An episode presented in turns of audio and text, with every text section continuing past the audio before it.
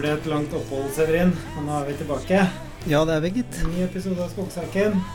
Det er litt att og fram, ja, med både jobb og litt høsteaktiviteter. Elgjakt, Ja, for eksempel. som vi ikke lovte oss selv at vi ikke skulle snakke om. Ja. Vi skal, vi skal, vi skal ikke dra elghistoriene, liksom, for dem er det nok av likevel. Det er nok elg. Ja. ja. Dessverre, sier du kanskje, men eh, det er jo fint akkurat nå, da. Um, men du, eh, vi går rett på sak. Mm. Vi, eh, både som skogbruker og skogkonsulenter så bruker vi jo skogbruksplandata Ja. eh, hver dag, egentlig. ja, det gjør vi. Ja, men vi kan jo ta skogeierhatten, da. Da Mm. er det jo fint å gå på elgjakt og se litt på skogen. Og, Mm. og mange av oss har jo driftsplanen på mobilen. Og ja, du kan gjøre litt planlegging. Ja. Men hva er det som ligger bak all den der planlegginga? Ja, jeg, jeg skal ikke fortelle alt om det, men uh, det, vi, det har vært en rivende utvikling på skoleplanlegging. Ja. Så det som du lærte på, på Ås da, i, på 90-tallet, det um, gjelder nesten ikke lenger. Eh, målet er det samme, det er å få en best mulig uh, registrering, best mulig data om hva slags skog du har. Ja. Altså inventering av skog, altså at du registrerer alt du har, og relevant for skogsdrift. Og utviklinga går så fort med laser og flybilder og satellittbilder som Satellitter som surrer rundt hver tredje-fjerde dag, og det er masse tilgjengelig. Ja, droner. Ja. Alt mulig. Men uh, vi har jo bestemt oss for at vi skal lage en eh, programserie om Mhm. skogbruksplanlegging. Ja, rett og slett eh, jo litt eh, dypdykk, som du sier, i ja. For det er mye du lurer på, ikke sant. Eh, Når du, du, er, du er en bruker, ikke sant. Og, mm. Men det er noen som lager det. Og så er det også noen bak de som lager det, som har utviklet det. Ja. Og vi har tenkt å ta en prat med begge to. Det er ikke bare to personer, selvfølgelig, men eh, representanter for, for de gruppene her, da. Ja. Vi har, vi har juksa litt. Så før elgjakta så snakket vi med Svein Dybsund. Eh, Ja.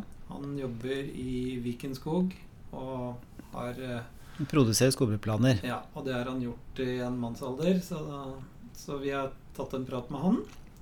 Ja. Um, så, og det gjorde vi for et par uker siden, vel, før, før jakta. Nå er det Hvilken dato er det i dag? Det er 5. oktober. Fjerde. 4. oktober. Femte er det. 5. Oktober. Eh, så vi tenkte vi nå skal høre på hva praten vår med Svein Dybsund. Ja. Og så kommer vi med i hvert fall en episode til hvor vi skal eh, snakke med Erik Nesset på NMBU. Ja. Hvor vi kanskje skal gå enda mer Ikke altfor teoretisk, men litt. Ja, Han har vært i front med å utvikle metodene for Ja. å få ordentlig skog, eller Ja. bra skogbruk, bedre og bedre skogbruksdata. Så vi, vi begynner litt med å høre om uh, pro, selve produksjonen som foregår i det praktiske liv. Og så Mhm. skal vi gå neste episode, så skal vi snakke med Kall det forskningen og utviklingen. Mm. Og så kanskje vi eh, tar en prat med de ute i felten. Ja. Eh, men i hvert fall i første ja, de som bruker, de brukerne. bruker ja, som er skogeiere, eller da kan vi prate med hverandre, vi da. kan vi, men eh, det er kanskje skogbruksledere som bruker det aller mest, sånn i praktisk eh, skogsforvaltning, Mm. og sjølsagt en aktiv skogeier òg, da. Men skal vi høre på um, praten vår med Svein Dybsund, og så um, Det kan vi gjøre, men jeg har lyst til å brife litt først. Ja. Vet du hva laser er forkortelse for? Laser? Nei. Det er Light Amplification by Stimulated Emission of Radiation. Det der har du pugget lenge. ok, ja, men da hører vi på Svein Dybsund, og så um, Ja. eh, kommer vi tilbake med en ny episode i løpet av et par uker, tenker jeg. Ja, vi gjør det ikke mer komplisert enn det. Nei, vi gjør ikke det. is about forest management. Please remember the words, very simple. Forest management, please remember. It's about forest management and other things, but forest management. Ok, Severin, nå har vi kommet oss til uh, Vikens uh, er det lov å si, distriktskontor i Askim. Askim er jo en by Hadde vi status? Ja, det er jo Viken har et stort distrikt, så de har sikkert mange distriktskontorer, tror du Ja, ja, nå er vi på ett av dem. Vi er på Viken, og vi skal uh, snakke om uh, skogbruksplanlegging. Og da har vi jo kommet til de som virkelig kan det. Så gjesten vår. Kan ikke du introdusere deg? Navn og stillingstittel og litt om deg sjøl? Ja. Svein Vipsund. Jobber som avdelingsleder i Vikens planavdeling. Har gjort det i tolv år. Har stort sett brukt hele livet på å telle andres trær. Ja. eh, jobba i Norskog, i ja, det som fører Norskog, S50. De som har vært med på begge deler, gjør ofte et skille der. Ja, det er det. Når var det de endret navn? Eh, Det er, Ja, på litt tidlig på 90-tallet ja, endra de navn. ja. Um, så ja, var i Landskogtakseringa uh, tre sesonger. Kombinerte det med å jobbe som skogsarbeider om vinteren. Så jeg pleier å si det at en av de få som har fløta tømmer i både saltvann og ferskvann, for det er faktisk helt sant. Det er jo trivelig å møte noen som har vært ute i det praktiske livet. Severin. Ja, han har drevet med det i lang, lang tid. For at jeg googlet den i går, og da kom det fram en eh, CV som eh, går tilbake til Norskog 1988. Og så Nedre Glommen etter det. Ja. Og så har det vært borti noe som heter ja, Skogbrukets takstselskap. Forløperen til Prevista, ja. Ja, stemmer. Og så Pinus. Ja, jeg var daglig leder i et sånt bransjeselskap som drev med utviklingsprosjekter rundt informasjonsteknologi og databaser og GIS. Ja. Og så Prevista, og så Viken. Da. Ja. Det er i hvert fall eh, det vi vet, er at eh, du er en av de som har lengst erfaring og drevet med skoleplanlegging og skogdata og inventering og alt i ja, lang, lang tid. Pluss en ekstra person for det, fordi at du er også veldig ivrig på mm, ja, utvikling av det. da, Altså innovasjonsbiten av det. Så det er jo noe av grunnen til at du sitter her. Ja, ja det jeg, har aldri tenkt på det sånn, men jeg tenker at uh, ja, målsettinga er egentlig å ha, ha en avdeling som i internasjonal målestokk, inventeringsmålestokk, har en sånn høyteknologisk tilnærming og en veldig høy utnyttelsesgrad av teknologien, har jeg formulert en gang. Mm. Høres kanskje veldig Ja. akademisk ut, men det er et mål. Se, ser du på det som en sånn konkurransefortrinn òg? Altså, det har jo vært en sånn eh, Hva skal jeg kalle det? Litt sånn kniving takstselskapene imellom. Og så har man eh, av gammel vane før så var det jo liksom man valgte det nærmeste plankontoret når man skulle ha ny områdetakst osv. Men jeg husker jeg var i hvert fall leder i takstutvalget da vi skulle ha en ny plan i Åmot kommune i 2014 eller 2015. Og da, da, da er liksom alle aktørene kommer på banen. Mm. Ja, jeg tenker, jeg tenker jo også på det sånn, eh, men særlig også for det å holde Tenke at vi sitter i en verdikjede, da. Altså, og at skogeieren skal få en skogbruksplan som er best mulig til lavest mulig kostnad, for at det er ikke så mye penger i bransjen. Nei. Sånn at du skal slippe å kjøpe kjempedyre tjenester av oss, og da kan du bruke de pengene dine på noe annet. Men så det er jo også nysgjerrigheten rundt teknologien er jo stor, og hva du kan få ut av laserpunktskyer og alt mulig. Så Ja, for vi er jo virkelig i den teknologiske tida på det. Vi har jo hørt om alle muligheter som er med alle digitale data. Det- er, du har jo, det er Nøyaktigheten er én ting, altså hvordan man registrerer. mm, Men en annen ting er liksom flyten av det her for å få alt til å bli veldig effektivt i hele verdikjeden. Mm.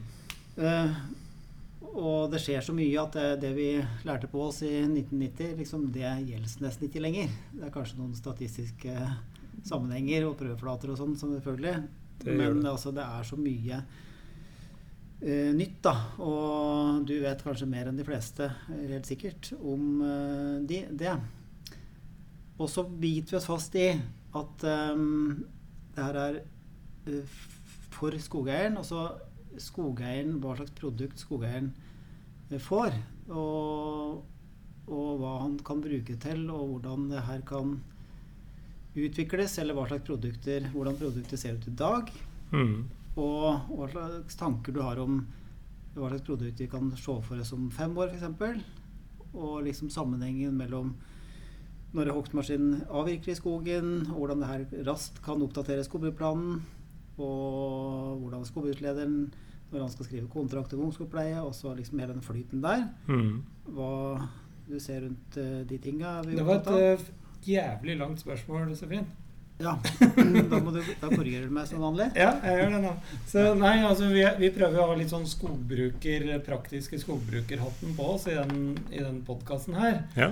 Og det er klart at når, vi, når man som skogeier får seg servert en skogbruksplan, altså man er med på en områdetakst, og så må man jo ha miljøregistreringer eh, som et minimum, og så er det da en sånn valgliste. Og som veldig ofte er kanskje litt styrt av tilskuddsregimet til fylkesmennene. Eh, sånne ting. Men, men eh, jeg forstår deg sånn at du Eller Viken, da, dere skal jo serve andelseieren, altså skogeieren. Mm, ja. Altså hva trenger en skogeier for å ha for, Eller hva er det dere tilbyr? Litt kortere spørsmål? ja. Ja. Eh, siden jeg er eh, såpass gammel, så sånn en liten historie, for å, så kan du stikke inn noen spørsmål Ja, ja, innimellom. kom igjen. Eh, de som driver med sosialantropologi, har sagt at internett kom til alle i 1999. Mm. I 2004 så lanserte vi verdens første internettportal for digitale skogbruksplaner. Da jobba vi i Privistad. Ja. Eh, Det fantes kart på internett den gangen òg, men det som var genialt da, at da var det sånn at når du logga på, da, så fikk du bare se din eiendom. Ja. Og det her reiste jo vi rundt og solgte. ja. Så glemte vi det at eh, skogeierne ikke hadde, de hadde på en måte ikke internettoppkobling. Det var ikke noe 4G eller noe Nei, nei, wifi nei. eller noe sånt noe. Ja. Så da gikk vi jo ordentlig på trynet. Ja. Dere var ti år for tidlig ute, Ja. rett og slett. Ja, ja. Så, så det, og det, det er, i dag så er det sånn det å tilby en papirskogbruksplan i dag, Ja. det tror jeg ikke du vinner noen oppdrag på. Er det noen som gjør det fortsatt? Nei. Jo, det må det være. Er det? Ja, altså de kjøper jo det òg. Ja. Og det jeg tror der, er at de kjøper den fordi den skal stå i hylla ved siden av den forrige, og den etter far, og den etter farfar. Det er sånn jeg på en måte har oppfatta skogbrukerne Mm. på skogeiendommene, at det, det skal liksom stå der. Jeg hadde seinest en i går som eh, hadde fått alt digitalt og hadde apper og alt sånt nå. Eh, men han ville ha oppdatert forsida med riktig gårds- og bruksnummer og Ja, gardsnavn og sånn, som det står i hylla. Står ille. Eh, Det gikk ikke så mange år etter 2004 før den Ja, det var en av regjeringene i hvert fall som mente at det skulle komme breibånd i alle bygder. Og, og da er det i dag mulig å ha det. Og vi har jo fototaksatorer som sitter med fiber langt unna Mm. allfarvei og jobber for oss med Ja. det. Med det. Men det hadde jo ikke vært mulig Nei. bare for sju, åtte, ni, ti år siden. Nei. Men det er jo noe eget å ha papir. Altså, vi jobber jo på dette hver dag. Vi bruker jo sporregistreringer så å si hver dag. Eh, eller det er hverdagen vår, da. Og vi vil jo gjerne ha papir å gå etter. Eh, Altså, vi bruker jo iPad og PDA og slike ting, men eh, det er veldig ålreit av og til å ha et stort oversiktskart. Mm. Ja. Så du vet eh, ja, Ja. litt perspektiv på livet, Men, på ikke skogen. ta, men ikke tabeller og bestandslister. Nei, Nei. Du driver ikke og skriver ut det? oppe? Nei, det gjør ikke. Nei, det er for at vi skal spare papirkostnader. nei. Det må du ikke si i en sånn podkast nei, skogbrukere. vi må bruke masse papir. okay. Nei, men um, Så dere, er- dere er jo server jo skogbrukerne, og, og i forlengelsen av det selvfølgelig skogbrukslederne, ikke sant? For det er jo en kjensgjerning at det er jo på en måte kanskje skogbrukslederne som bruker eh, skogbruksplanene mest. Men eh, jeg vil snakke litt om Én ting er jo den gode, gamle skogbruksplanen, holdt jeg på å si, hvor du hadde behandlingsforslag for hvert bestand og sånn. Mm. Eh, og så er det jo da spørsmålet hva, sant, hva er det du legger i en skogbruksplan? Altså Leverer dere sånne sko gammeldagse skogbruksplaner med bestandsbehandlinger, eller er det ressursoversikter, eller er det bare miljøregistreringer, eller hva, hva, hva er det du mener er, eh, tjener skogeieren eller skogbrukeren best? Og det er, eh, det er ikke noe sånn veldig enkelt spørsmål, men det å, det å gjennomføre prosjektet digitalt først og fremst, altså at, du, at det havner i en digital bestandsdatabase, som vi sier da, sant? Sånn at skogeieren kan logge seg på og se sine data, og at skogbrukslederen, hvis han da har tilgang, kan tanke ut data for den eiendommen. Mm. Sånn fungerer i hvert fall hos oss. Et eget prosjekt. Vi kunne, prate litt om det etterpå. Men det, det må liksom ligge der. Og så Vi har vært veldig opptatt av Eh, Det er å få så bra takstresultat som mulig. Mm. Har du et bra takstresultat, så kan du lage gode Ox-kvantumsprognoser. Mm. Men da, da mener du nøyaktighet? Ja, på, på volum. Mm. At det er bra. Og så hvis du ja, Det er en sånn gammel tabell etter eh, Sveinung Nersten bl.a. Mm. Som hvis du har liksom der feilmarginene, hvordan det slår ut i en prognosesammenheng. da. 10 feil på arealet er jo 10% feil på f.eks. et balansekvantum. Mm. Og så synker feilmarginen med litt forskjellige ting nedover. Så det har bra volum, eh, bra bontering. Eh, Få på plass det, og da hadde vi et prosjekt ja, Liten historie om det òg. Jeg husker jeg ringte til Erik Nesse i 2012 og så sa jeg at vi må, vi må klare å få, vi må få, få til et boniteringssystem. Vi kan ikke gå ute lenger og, og bonitere. Det blir for dyrt. Så satte vi oss ned, og så skriver han eh, ti ganger fortere enn meg. Så han skrev ti sider, og jeg skrev ei side. Eh, hvor vi skulle koble sammen historiske flybilder og så få til høydeutviklingskurver, og så kunne bonitere automatisk ved hjelp av gamle flybildeserier bakover. Da. Uh, og vi syns vi hadde en kjempesøknad. Sendte den rundt eh, til alle norske tenkelige og utenkelige steder å søke penger. Og vi fikk null kroner. Ingen trodde på det. Nei. Ehm, så er i hvert fall jeg ganske sta. Han får snakke for seg sjøl. så jeg tenkte at det her kan man, det må man finne ut av det her. Så skrev vi en ny søknad tre år etterpå, hvor vi brukte laserdata. For da liksom, nå kommer laserdataen igjen og skanner det samme området. Og da løp folk etter oss med penger. Nemlig. Og det fikk vi til, så det endte jo opp med en som tok doktorgraden sin på det. Eh, og det funker veldig bra, og i dag bruker vi det operativt. Og igjen så er det tilbake til at du skal ha et så bra takstresultat som mulig. Mm. For, for der Ja, for det, det er jo det som er i kjelleren som Ja. er det avgjørende. ja, Hvis ikke du bygger en ordentlig grunnmur, så, så er det ikke noe vits i med, med en masse sånne Fine tabeller og figurer. Nei, det- må ligge der. En treslagsfordeling det har vi stort sett uh, fått kontroll på automatisk, og med fototakst og gamle feltbefaringer. Mm. Og da, da er det ikke så veldig mye som står igjen. Eh, men fortsatt så er det miljøregistreringer ute. Vi har fronta veldig mye det at vi kan bruke laser for å finne ungskogpleiebehov. Mm. Det syns jeg vi treffer eh, overraskende bra på. Jeg gjør feltkontroller på det for hvert prosjekt vi leverer. Mm. Men vi har fortsatt igjen litt trøbbel med oksklasse 1 og 2. ikke sant? ja. Så der bør man putte på noe feltarbeid, eller akseptere at det er sånn. Og så kan skogeierne ajourføre sjøl etterpå, basert Mm. på oppdragsplaten i Viken f.eks.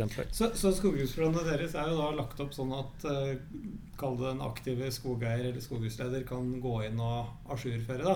Ja. Ja, nemlig. ha en egen side for det, hvor, du kan, hvor det ligger ca. 1 km med er gamle takstreglene. ikke sant? Mm, mm. Og alt det er koda opp, sånn at du, du får opp et forslag Ja. til nytt bestandsinnhold. ja. Med treslagsfordeling og volumer og alt mulig.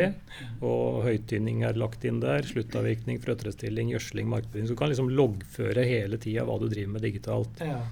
Så jeg vet det er én stor skogeiendom. Den er stort sett à jour hver 14. dag. ja, ikke sant. Og så har du hele spekteret. Det er 9000 andelseiere her. Ja, det er klart det er Og noen avvirker én gang i levetida si. Ja, ja. Noen avvirker to. De må du ha et annet tilbud til. ja, det skjønner jeg. Differensiert der. Ja.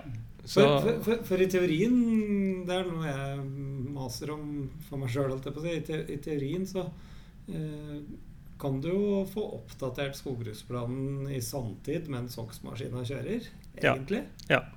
Når tror du det kommer? Uh, Er ikke etterspørselen stor nok, kanskje? Det er litt med betalingsvilje nå, for vi har, vi har i hvert fall ikke klart å automatisere det. Og Det er liksom det, det som har vært tanken min hele tida, at det, det må ikke koste for mye. altså Du må ja, ja. hele tida vite, ha den bevisstheten i ryggen at du sitter i en verdikjede. altså. Ja, ja, ja, helt klart. Så det vi har fått inn nå, vi har får automatisk inn alle sporloggene.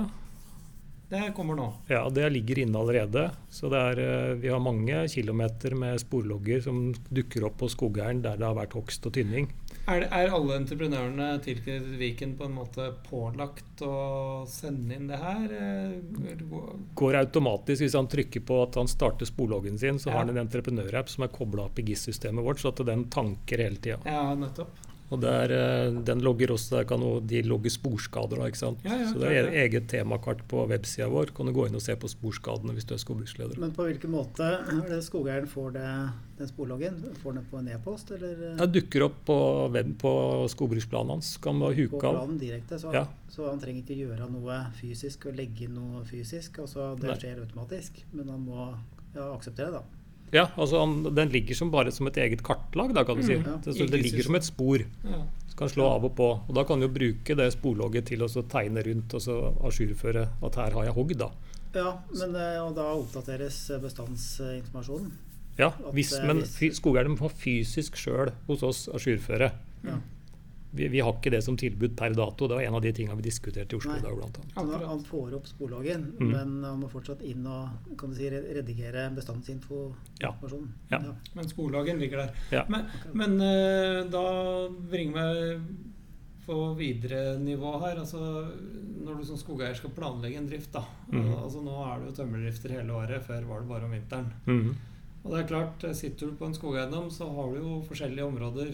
I hvert fall i Østerdalen så er det alt fra uh, våtlendte områder til uh, litt mer bærekraftig mark. Eller bære, bæresvake marker og bæresterke marker. Mm. Uh, har dere sånn eh, våtmarkskart og sånn som dere kan legge inn i når skogeieren går inn på websida? Ja, det ligger inne. Det ligger inne, Ja. Vi laga jo de første markfuktighetskarta i Norge vi, ja. for sju år siden. Nemlig. Det var et kjempeprosjekt. Det var eh, han jeg hadde som sjef da, han eh, hadde sett en, eh, en videosnutt fra Canada. Mm. En på University of New Brunswick, tror jeg det er. Jay Oglivet, tror jeg han heter. Um, og han, så han kom til meg og så sa han at jeg skal ha sånn kart for hele Viken. sa han. så var det jo ingen å spørre, da. Nei. Det var ingen som, ingen som hadde tenkt eller sett noe. Så den der, eh, han, professoren han har lagt ut eh, foredragene sine på YouTube. Du er Eh, YouTube-junkie, du òg? ja, jeg blei jo det da. For at den, eh, den hvor han ordentlig gikk i detalj på algoritmene der, Mm. eh, den hadde ligget ute en måned, og da hadde den 60 visninger, og jeg tror jeg står for 59 av dem. Så det var et ganske smalt fagfelt den gangen, i hvert fall. Så, men det blei jo en suksess. Eh, Det blei det, altså. Ja, Det det var et ordentlig løft. Altså, det, du sparer jo veldig mye penger på det. Ja. Det er jo det det handler om. Så, og det tankes jo ut i de her feltappene til skogbruksledere, og skogeiere har det på webplattformen sin. Da. Mm. Så det er der vi må komme videre med å få Vi må få et digitalt system som er enklere å få ut til skogeieren skogbruksplan på telefonen hans. Mm. Eh, Ja, for det er telefonen som gjelder, egentlig. ja, ja, så hjemme hos meg så er det én PC, Ja. og den er i Viken. Mm. ja, ja. De andre har smarttelefoner og nettbrett, ja. så det er jo der trafikken går. Mm. Men uh, all utvikling uh, som dere da driver med, det, det går på uh, selvfølgelig rasjonalisering. Eh, men hvis du tenker litt eh, tradisjonelt, eh, så er det fra å ha en skogregistrering eh, og til at du skal hogge, så er det en jobb imellom der. Du må ut og, ja, Skogbrukslederen da, eller skog- skogeieren sjøl må ut og planlegge. Mm. Um, må se Ja, det står eh, at det skal være um, 800 kubikk der, men han må kanskje se hva slags tømmer det faktisk er der. Og om treslagsfordeling er riktig, osv. Og, så og så kjøre, kjøreleia må han bestemme. eh, og hvor eh, lundeplassen er, og alt sånn. Men det virker som om det du måte jobber mot, da, er å minske den jobben som er mellom at du bruker skogregistreringen og en ferdig tømmerkontrakt. Mm. Ikke sant? At det du nesten så skogbrukslederen i anførsel blir overflødig. At, det du, at et eh, skogbruksplan har så mye informasjon at du nesten ikke trenger å gjøre en jobb før du skal hogge. Du kommer jo antakelig aldri helt dit, men, men å nærme seg det, da. Ja, det tror jeg vi gjør. Ja. Det, det vil på et eller annet tidspunkt bli sånn at uh, skogeieren kan eh, sitte med en app på telefonen og taste inn at jeg ønsker et tilbud på å få avvirka de tre bestandene her, og så dukker det opp på nettbrettet hos, eh, Mm. hos skogbrukslederen, og så får han gjøre en miljøsjekk hvis det ikke allerede er gjort. For Mm. det er viktig at de tinga der er på stell. Mm. Og hvis dataene da erfaringsmessig stemmer, f.eks. at du har hatt avvirkninger i, hos naboen, eller at det er en bra framskrevet takst f.eks., Mm. Så kan jo det være en måte å serve den kunden på. ikke sant?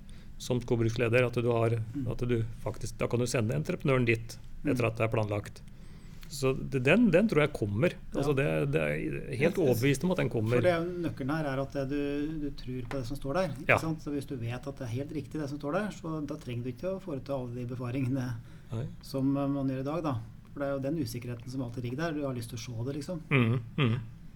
Og så er det vel sikkert ikke noe i veien for at i en skogbruksplan eller en skogtakst at du kan eh, ja, Jeg ser jo sånn som Severin Hev i, i vårt virke, så eh, Volumveier vi jo driftsveilengdene, f.eks. Mm. Eh, det kan man vel kanskje se for seg at kan ligge som en sånn bestandsopplysning.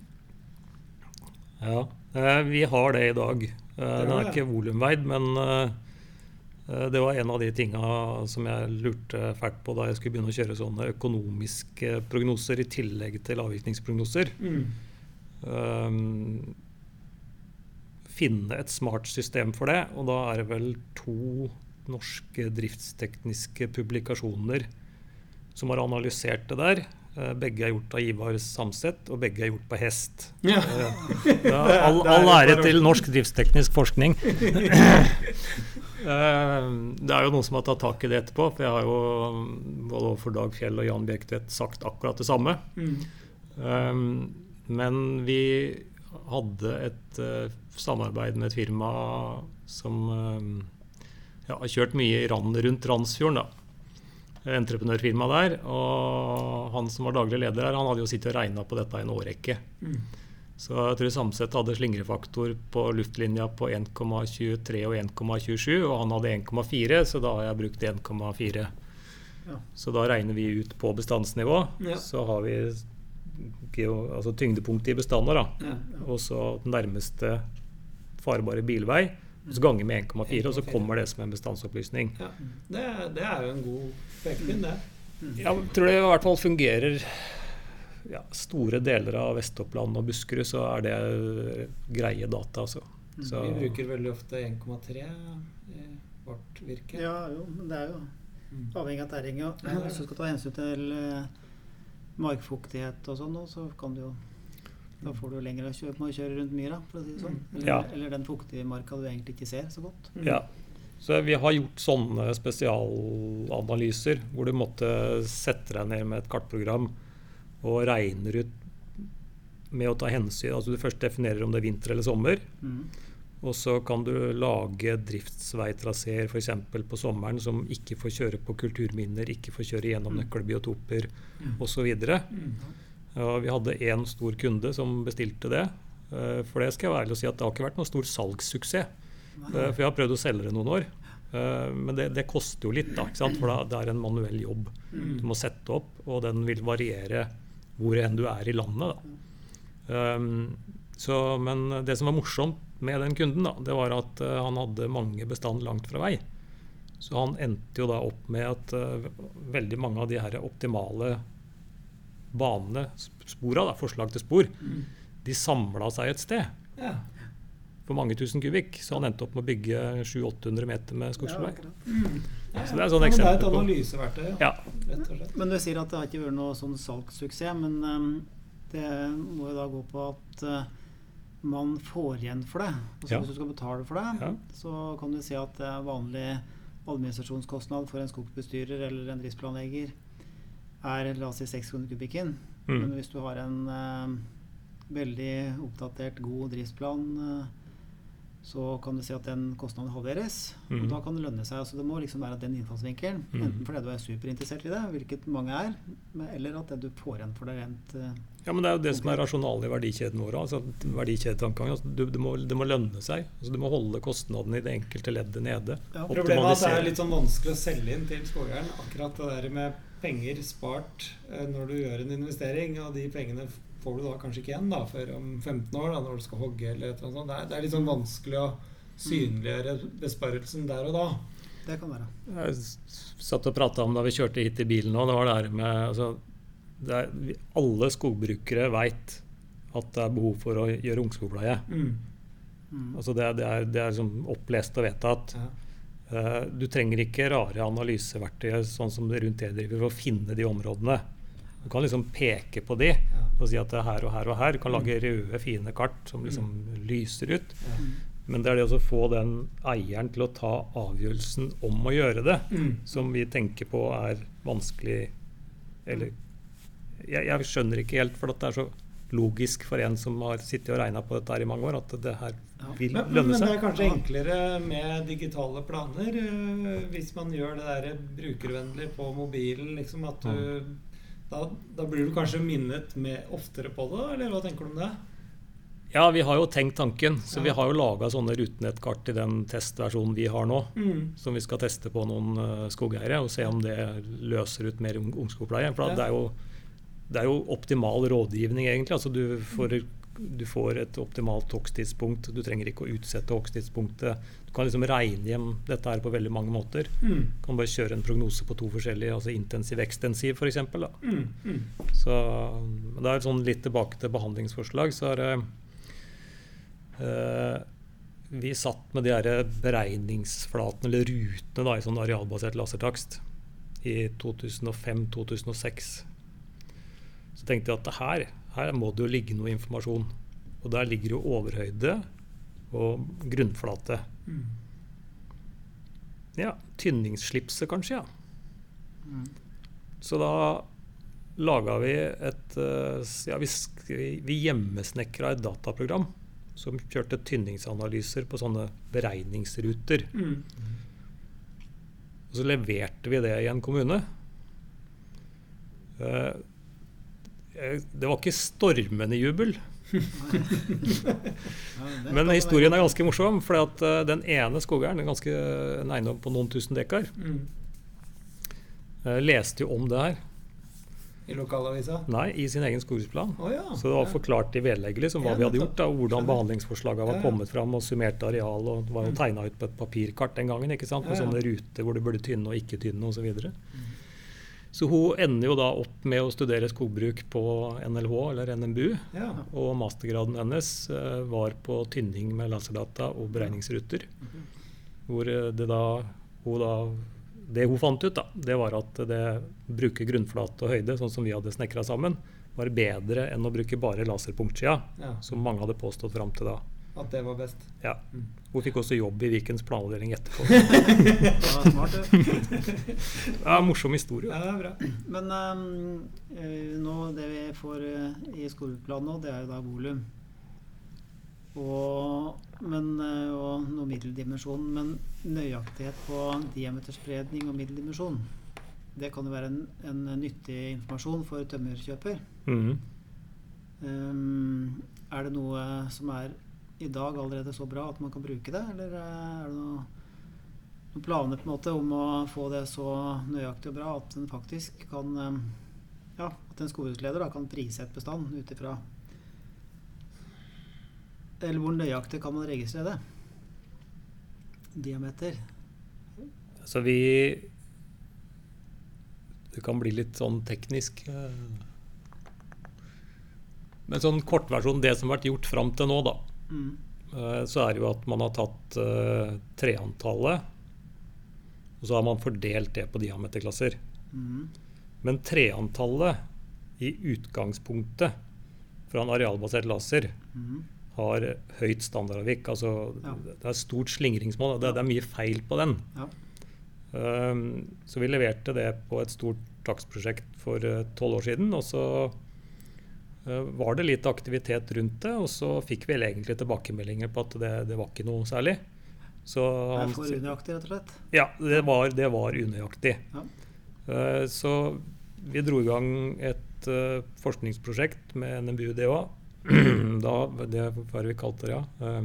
Hogstmaskin som skogtaksator. Ja, det Husker var det det? sko Norsk Ja. Skogbruk. Ja, Mm. det tror jeg var tittelen i Norsk Skogbruk. Og da tenkte vi at uh, for det første så kan vi få hogstmaskinen til å ta prøveflatene til en arealbasert lasertakst, eller en takst hva som helst. Altså du får inn masse data. Mm. Ja, altså Som et alternativ til at Duck går ut og registrerer 250 kvadratmeter Ja. på Mm. klaver, så kan hogstmaskinen gjøre det samme. Ja. Mm. Men da må skoleplanen eksistere fra før. Ikke nødvendigvis, så lenge vi klarer å lagre dataene. For da har du masse referanseflater fra et område. Mm. Og, og den der hogstmaskinen er gått, så hvis du har noen data Du får masse data om tømmerstokken, ikke sant? Mm. Og du har riktig treslag, du har avsmalning altså Ja, alt, kan alt, alt alt, alt, er jo målt opp eh, så godt det lar seg gjøre. Ja. Um, og da tenkte vi at da kan vi bruke det og så lage et system som predikerer det. Mm. Fordi du har så mange målinger. Ja. Så kan du få det inn i skogbruksplanen din eller som et eget kartlag eller egen informasjon. Det var sånn vi tenkte, da. Mm. Eh, det som var litt morsomt med det prosjektet, var at hogstmaskinene har ikke så veldig god GPS, syns vi, som er vant til å stå med en eh, fast eh, målestasjon og måle i 30 minutter for at dette skal bli nøye. Så da var det jo masse leamikk i det prosjektet der. Eh, Så vi endte jo opp med en stor John Deere-maskin, hvor John Deere utvikla noen sylindere så bare på den hogstmaskinen til det prosjektet. Og fikk da plassert trea på ja, en 4-5-6-7 desimeters posisjonsnøyaktighet. da. Så, for det er jo en ekstrem forbedring i forhold til hvordan det var. Ja, for fra hytta til krana kan det jo være 12 meter, eller Pluss-minus 12 meter. Ja. For du aner jo ikke. altså Du må jo ha Nei. kappa. Nei, nei. Det er masse, masse matte der. Så, og det var et bra prosjekt. Kartverket var med, og et par andre private firmaer. Og, Mm. Så det som når jeg prata med en selger på John Deere nå, så er den sylinderen standard i nyere John Deere, så det var litt Ja. Mhm. kul historie. Ja, det er det. Um, en eh, nøyaktighet, ja. Det er jo måte- det er grunnlaget for alt. Um, hvordan vil du si generelt da at um, nøyaktigheten er i dag kontra f.eks. i 1990? Hvor, hvor mye mer kan du stole på at, uh, på bestandsnivå da, at det er riktig i dag kontra 1990 f.eks.? Da tenker du vel volum, gjør du ikke det? Volum, ja. Altså det, vi, det vi visste da i 1990 fra etterkontroller og sånne kontrollprosjekter som ble gjennomført på skogbruksplaner, så lå vi jo med en feilmargin på ca. pluss-minus 25 Mhm. Og med det, det, hvis du gjør en arealbasert lasertakst riktig, altså i dag, så er du gått fra 25 til 12,5, da, altså liksom hva du har. Mm. Så det, jeg tenker at det er en kraftig forbedring. Det er en kraftig forbedring. Og det er liksom noe vi også får tilbakemelding Nå har vi kjørt det her i mange år, ikke sant? Så, så, så det, det stemmer. Mm. Uh, Og så er det kanskje mindre personavhengig i dag enn det var før. ja. Da var det jo var det en veldig ja, det var store individuelle forskjeller. da, Mer avhengig av hva den som var ute, faktisk så og målte. ja. Vi ser det veldig tydelig når vi framskriver takster. Ja. Gamle takster. Mm. Vi har én takst gående nå, skal ikke si hvor det er. Men eh, der er det Der kan du se at eh, teiger i sammen med lia har hatt forskjellig taksator. Mm. Ja. Ja, ja, nei, men det er jo menneskelig Ja. Det er det menneskelige som Ja. feiler. Så Ja, i hvert fall du. Du er et menneske. Jeg skal til Notodden etterpå på befaring, og der er det Der er det mye rart, altså.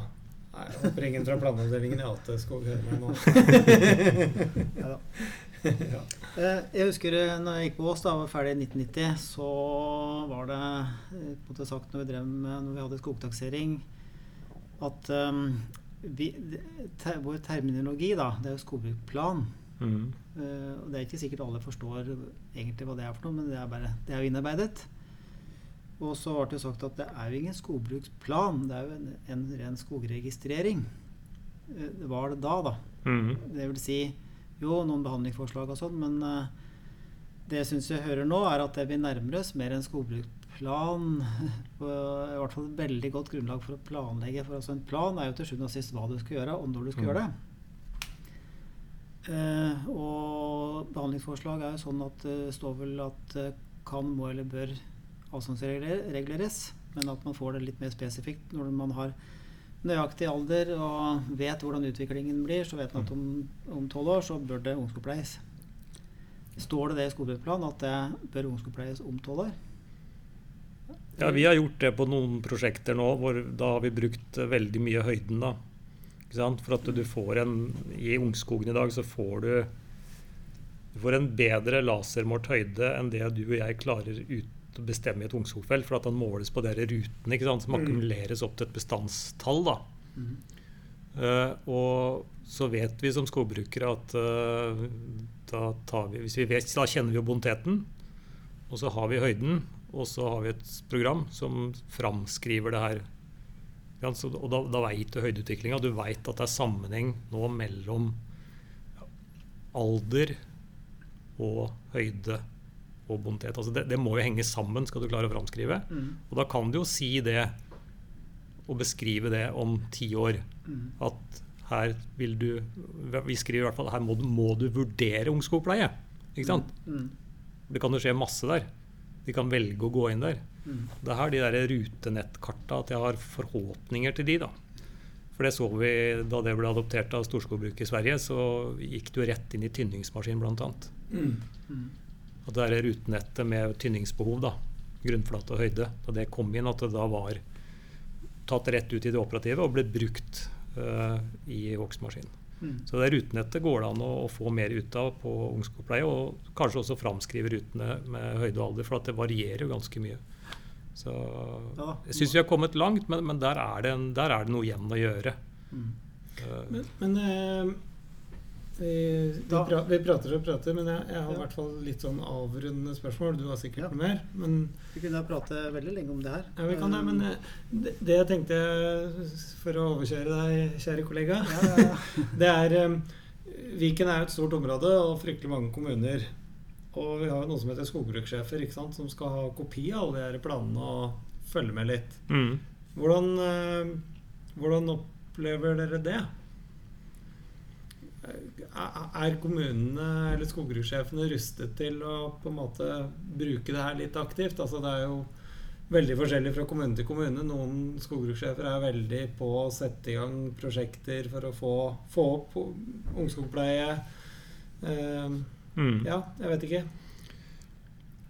Jeg opplever at de blir Det er stor forskjell det, i rettferdighetens navn, det skal sies, men det er mindre fokus på skogbruk blant mange skogbrukssjefer i dag enn det var for eksempel, eksempelet 1990. da.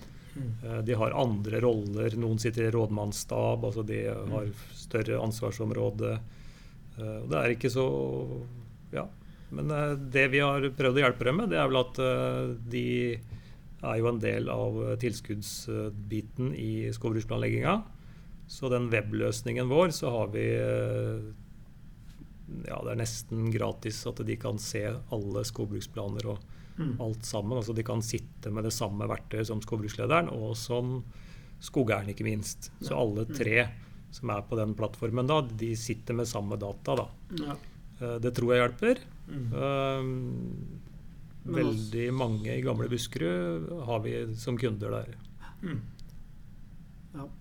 Men det varierer altså, litt. hva, den bruker jo ikke til daglig, men f.eks. hvis de skal vurdere en konsesjonspris, da, Mhm. så vil de jo ha nytte av å ha innsyn i det. Og de har jo også oversikt over hva som er avvirket og skjedd etterpå. Mhm.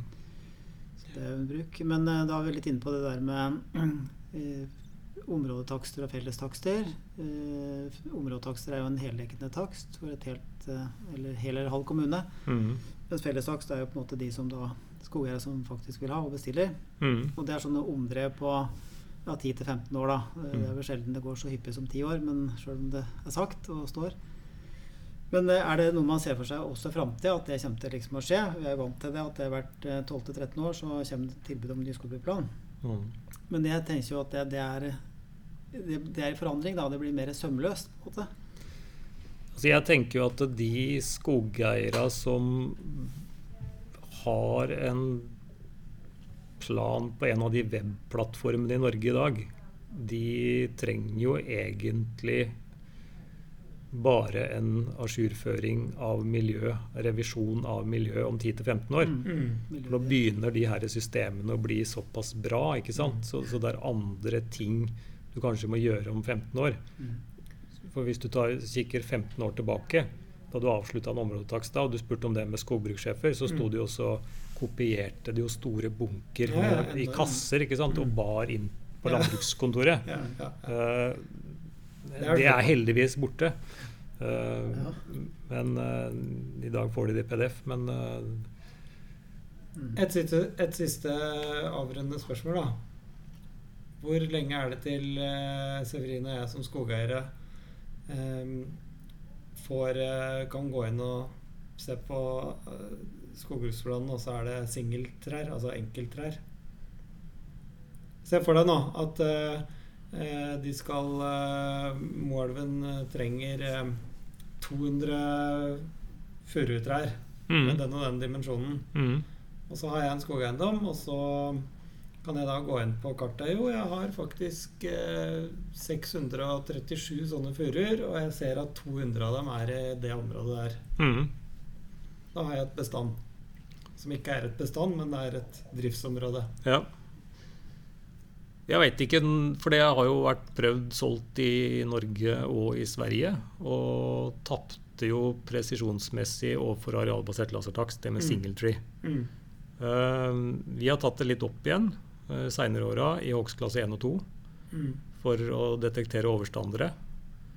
Eh, og til vår store forbløffelse så har det jo der blitt eh, et enormt kroneareal i ungskogen som vi begynner å lure på om, om det er riktig nivå på alle miljøhensyn, om det er riktig nivå på frøtrær, om det, Mm. om det settes igjen for mye. Mm. Eh, fordi at mange bestanden har i dag et kroneareal på mellom 20 og 30 Ja. Og det er jo en sånn effekt av singeltreet. Så det er klart du ser det her. Mm. Og vi har også laga behandlingsforslag ut ifra det. Eh, Men det å flytte det inn i hogstklasse 3, 4 og 5 er jo ikke så fryktelig vanskelig. Eh, Du, du trenger egentlig en masse prøvetrær Mm. og så en stor nok datamaskin. Mm. Så, så vi er jo der i dag, men da tenker jeg at jeg ville ha kombinert det med en arealbasert lasertakst for at det som skogeren Altså all plan, den planleggingsbiten, da. eh, Du, må, du må litt tilbake til takstresultatet. for at du, Skal du lage en hogstkvantumsprognose, skal du planlegge et stabilt kvantum altså Du må ha kontroll på volumet, tenker jeg. Ja. Så grunnmuren i hele huset ditt Må stemme. må, ja, så godt som mulig, i hvert fall. Mm, mm. Og da har den ene metoden i hvert fall så langt vunnet over den andre. Men jeg tenker jo at begge deler kanskje kan være en del av framtidsbildet. Ja. Langt svar på et kort spørsmål. Ja, ja. Nei, men uh, si Jeg tenker at um, så langt vi har kommet nå, så um, har vi, um, vi nærmer oss mer og mer plan. Altså den, men den siste planleggingsbiten må skogeieren fortsatt gjøre sjøl. Men grunnlaget for å lage den planen er vesentlig bedre enn den kanskje var for ti år siden. Pluss at verktøya vi kan bruke, Mm. er mye mer fleksibelt og mye mer rasjonelt. Ja. Så derfor, og kanskje oppfordre skogeiere til å stille krav. Da, og så tenke litt hva, er det, hva trenger jeg? Hva, hva er det jeg vil ha? Hvordan vil jeg at PC-skjermen min skal se ut? Hvordan Mm. vil jeg at uh, dette skal funke? Og, og for alle har jo litt forskjellige både kunnskap og preferanser. Jeg utfordra Kan jeg få en Ja, avsluttende Da avslutter du. Eh, jeg utfordra noen skogeiere på det. For at vi som entreprenører vi, vi får ofte en tilbudsforespørsel. Og den eh, avviker lite mm, innen et fylke. Mm. Ja. Ja. Og i det fylket dere kom fra, så var det en, er det en, fortsatt en god del store skogeiendommer. Jeg var med på en takst uh, for 30 år siden hvor vi bare tok prøveflater i den ene hogstklassen. Mm, Fordi at spørsmålet til skogeieren Skogeieren hadde tenkt seg om på forhånd. ikke sant? Når han, han, hadde, skulle ha svar på et spørsmål. Hva er det framtidige tynningskvantumet i neste 30 åra? Ja. Ja, han har full kontroll på ungskogen sin. Mm. Bra skogsbilveinett. Mm. Han kan kjøre rundt og se på om det er noen tørkeskader eller begynne å avvirke. De har regna ut gjennom mange år, Mm. kommet på omtrent samme balansekvantumet. Men de var veldig usikre på det. Da ble det designa et eget takstopplegg for det. Ja. Og det er Jeg savner jo de skogeiere som Severin er inne på, som, som lurer på noe, da. Mm. Lurer på noe, heter det der jeg er fra. ja. Sånn at de Så kom med noen vanskelige spørsmål, da. ja. Da sitter du med to her, da. Ja. Det har ikke vært vanskelig så langt, da. Nei, men vi skal bli verre. Ja. Ja, men veldig bra. Ehm, Det, er- det er et stort fag, da. For det er rett og slett um, Det er jo fagfolk som driver med det. Og um, eh, alt eh, som er inni, alt som skjer, det klarer jo ikke vi å gi en oversikt over. Men det er på en måte behovet og hva det skal brukes til, som selvfølgelig er det viktigste. Mm. Og det er jo stor utvikling. Så jeg har stor tro på at det blir vesentlig mer, ja, både bedre og mer funksjonelt, sjøl om det allerede er veldig bra. planleggingen for skogeieren blir i hvert fall bedre. Ja. Ja, men Svein, det var fantastisk at vi kunne komme. Så mm, eh, i dag er det 16. 16. september, og nå er det snart elgjakt. Og både Severine og jeg vi skal jobbe litt innimellom. Så vi får vel ikke lagt Jeg får der. skyte inn det, da. At ja. jeg- jeg foreslår første datoen å snakke med deg, Svein, eh, den 6. oktober. Og så spurte jeg er du, er du i området da. Da er jeg på Varaldskogen, må ja, Så vi, vi legger vel ut den episoden her i oktober en gang, tenker jeg. Ja. Så da får du høre på, på elgpost, holdt jeg på å si. Ja, det skal jeg gjøre. Greit. Skittjakt. Takk skal du ha. Ha det.